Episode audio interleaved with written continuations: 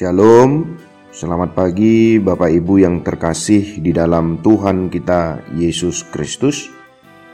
Firman Tuhan renungan kita di pagi hari ini tertulis di dalam surat 1 Korintus pasal yang ketiga ayat yang ke-16. Tidak tahukah kamu bahwa kamu adalah bait Allah dan bahwa roh Allah diam di dalam kamu. Demikian firman Tuhan. Inilah suatu pernyataan yang jelas atau pengungkapan nyata tentang identitas orang Kristen dalam keberadaannya sebagai orang percaya, anggota suatu persekutuan.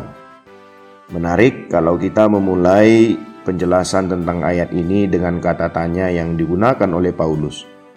Tidak tahukah kamu bahwa kamu adalah? Mengapa ini penting? Paulus melihat jemaat di Korintus, orang Kristen dalam persekutuan dan individu, perseorangan atau pribadi masih kurang mengerti atau mungkin gagal paham tentang identitasnya mereka yang baru sebagai orang percaya. Entah karena ketidaktahuan ataupun kelalaian mereka. Kalau belum atau tidak tahu maka perlu diberitahu, diajari, dibimbing, dituntun namun kalau sudah tahu, sudah pernah dengar tetapi lupa atau lalai, atau apa pun namanya sehingga tidak disadari lagi, maka perlu diingatkan kembali. Supaya mereka benar-benar tahu dan ingat dan sadar akan identitasnya yang baru itu. Di sini asumsi Paulus adalah mereka itu belum tahu. Sebab seandainya mereka sudah tahu, tentulah perilaku mereka akan berbeda. Singkatnya menurut Paulus, pemahaman dan pengertian yang benar seseorang itu tentang dirinya selaku orang percaya akan menjadi kunci bagi kekudusan hidupnya sebagai orang Kristen. Paling tidak, identitas atau jati dirinya sebagai umat Allah. Jika persekutuan Kristen adalah sesuatu yang kudus, tempat Allah bersemayam, janganlah kiranya dicemari, dikotori atau dirusak oleh manusia atau siapa pun entah karena pikiran-pikiran yang mau merusak atau bahkan memecah, menghancurkan gereja, entah karena perselisihan, atau pikiran yang tidak baik, atau perbuatan yang tidak bermoral, dan lain sebagainya. Bahkan di ayat 17 dari 1 Korintus 3 ini sangat jelas ditegaskan dan diperingatkan. Jika ada orang yang membinasakan bait Allah, maka Allah akan membinasakan dia.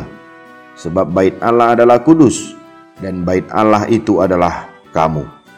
Maka sebagai individu orang percaya, Rasul Paulus mengharapkan agar masing-masing menyadari tubuhnya adalah tempat kediaman roh Allah dan oleh karenanya agar masing-masing sebagai orang percaya menyadari dirinya bukan miliknya lagi tetapi telah menjadi milik Allah.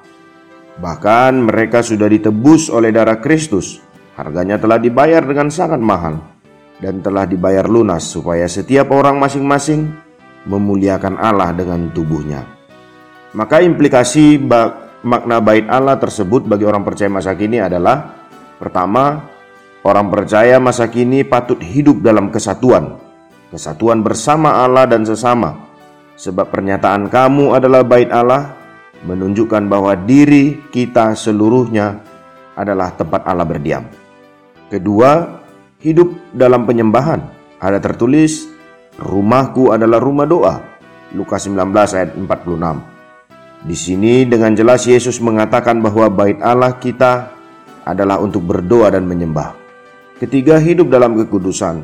Sebagai bait Allah rohani, orang percaya masa kini patut hidup dalam kekudusan yang sejati. Paulus mengatakan tubuh kita adalah bait Roh Kudus. Ini berarti tubuh kita adalah ruang Maha Kudus yang didiami oleh Roh Kudus.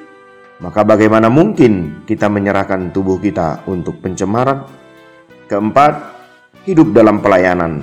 Pelayanan adalah anugerah yang diberikan Tuhan kepada setiap orang percaya sesuai dengan karunia yang dimilikinya. Kembalilah kepada firman Allah, Tuhan memberkati.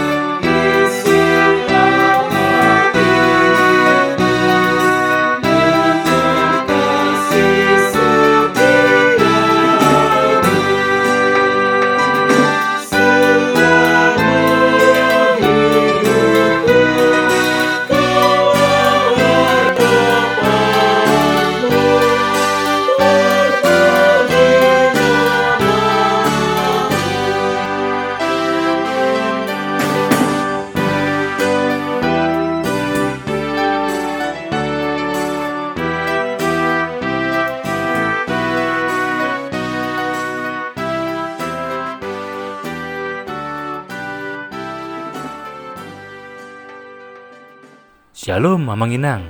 Terima kasih sudah mengawali hari dengan mendengarkan renungan hari ini. Yuk bagikan renungan harian ini kepada keluarga kita sehingga firman Tuhan itu tidak kembali sia-sia, namun berbuah dan terpelihara. Tuhan Yesus memberkati.